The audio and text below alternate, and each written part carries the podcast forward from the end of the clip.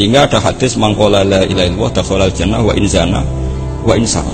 Kalau di bab fikih informasi itu bisa kita terima kalau mukhbirnya itu adil.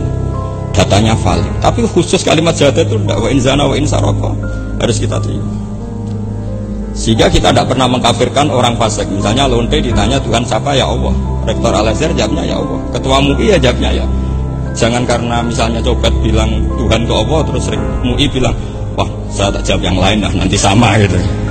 Nah, saya pernah ditanya sama dosen di Jogja, Pak Bahak kenapa ada kata wa in zana wa in saroko? Kesannya itu Islam membolehkan zina.